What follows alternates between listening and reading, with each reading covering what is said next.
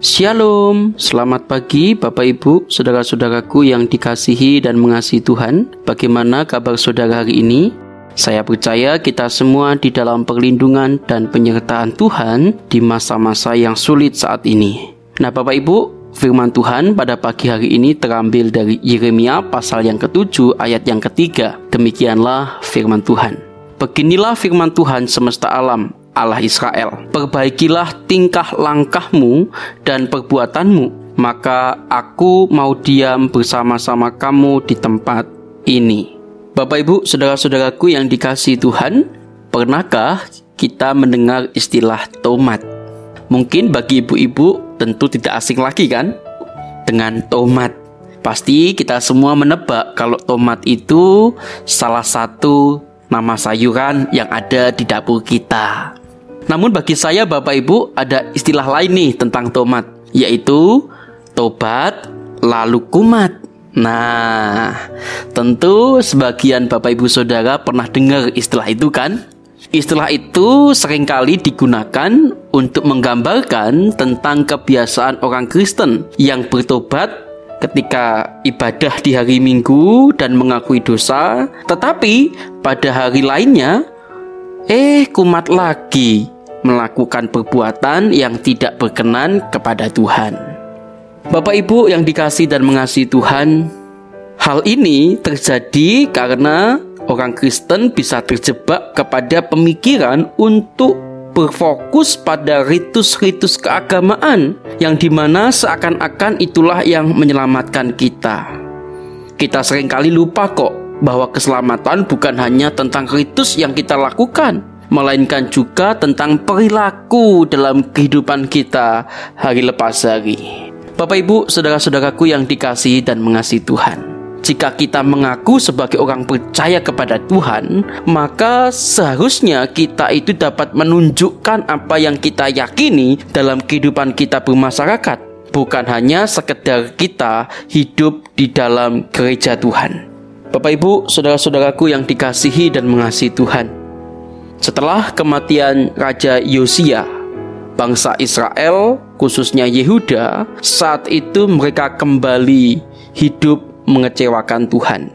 Mereka pada waktu itu menganggap bait suci dan ritus yang mereka lakukan sebagai jaminan keselamatan. Bahwa apa pun kejahatan yang mereka lakukan, bait suci dapat melindungi mereka dari hukuman. Nah, di dalam bagian ini Yeremia bertindak Yeremia pun memberi peringatan kepada umat Tuhan saat itu, di mana mereka hanya melakukan ritus agamawi mereka sebagai rutinitas belaka, sehingga mereka mengabaikan pentingnya keselarasan iman dengan perilaku hidup sehari-hari. Yeremia pun mengatakan kepada umat Israel saat itu bahwa selama umat Tuhan tidak melakukan pertobatan yang sungguh-sungguh, maka Tuhan tidak berkenan hadir walau mereka berada di bait suci. Bapak Ibu yang dikasih dan mengasihi Tuhan, peringatan Yeremia itu juga mengingatkan kita tentang pertobatan. Bertobat adalah komitmen untuk meninggalkan cara hidup kita yang lama agar selaras dengan iman kita kepada Tuhan yang telah menjanjikan pemulihan bagi setiap kita yang bertobat dengan sungguh-sungguh. Untuk mengakhiri renungan kita pada hari ini Bapak Ibu dan saudaraku yang dikasih Tuhan, saya ingin mengingatkan satu hal untuk kita. Jangan menyia-nyiakan anugerah Tuhan itu dengan melakukan hal-hal yang tidak berkenan dalam perilaku hidup kita hari lepas hari. Saya mengingatkan Bapak Ibu Saudara untuk kita menunjukkan iman kita yang sejati, iman kita yang sungguh-sungguh iman yang disertai dengan pertobatan yang murni, bukan pertobatan tomat. Hari ini tobat, besok kumat. Kiranya firman Tuhan hari ini menjadi perenungan kita bersama. Bagaimana iman kita kepada Tuhan? Apakah kita sudah beriman dengan sungguh-sungguh? Kita sudah bertobat dengan sungguh-sungguh? Atau kita hanya lip service, hanya berkata manis di bibir, tetapi tidak di dalam perilaku dan tindakan kita. Kiranya Tuhan memberkati Bapak Ibu Saudara dengan segala aktivitas saudara-saudara sekalian. Mari kita berdoa. Tuhan terima kasih firman-Mu yang boleh mengingatkan kami semua agar kami memiliki pertobatan yang murni, pertobatan yang sungguh di hadapan Tuhan. Oh Tuhan ajarlah kami ketika kami beribadah kami tidak memandang itu sebagai rutinitas kami. Tapi kami memandang perjumpaan kami dengan Tuhan. Maka kami harus sungguh-sungguh datang dengan hati yang hancur di hadapan Tuhan.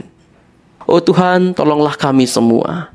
Supaya kami sungguh-sungguh memiliki pertobatan yang asli, yang murni di hadapan Tuhan. Hambamu menyerahkan setiap segala aktivitas yang saudara-saudara kami lakukan dan kerjakan hari ini. Kiranya tangan belas kasihan Tuhan menyertai mereka. Terpujilah namamu Tuhan. Di dalam nama Tuhan Yesus kami berdoa dan bersyukur. Haleluya. Amin. Kiranya Tuhan memberkati kita Bapak Ibu tetap sehat, tetap semangat. Bila kita di dalam hari-hari ini adalah masa yang sulit, tetaplah percaya bahwa masih ada harapan di dalam Tuhan. Stay safe, stay healthy, stay worship, and God bless you.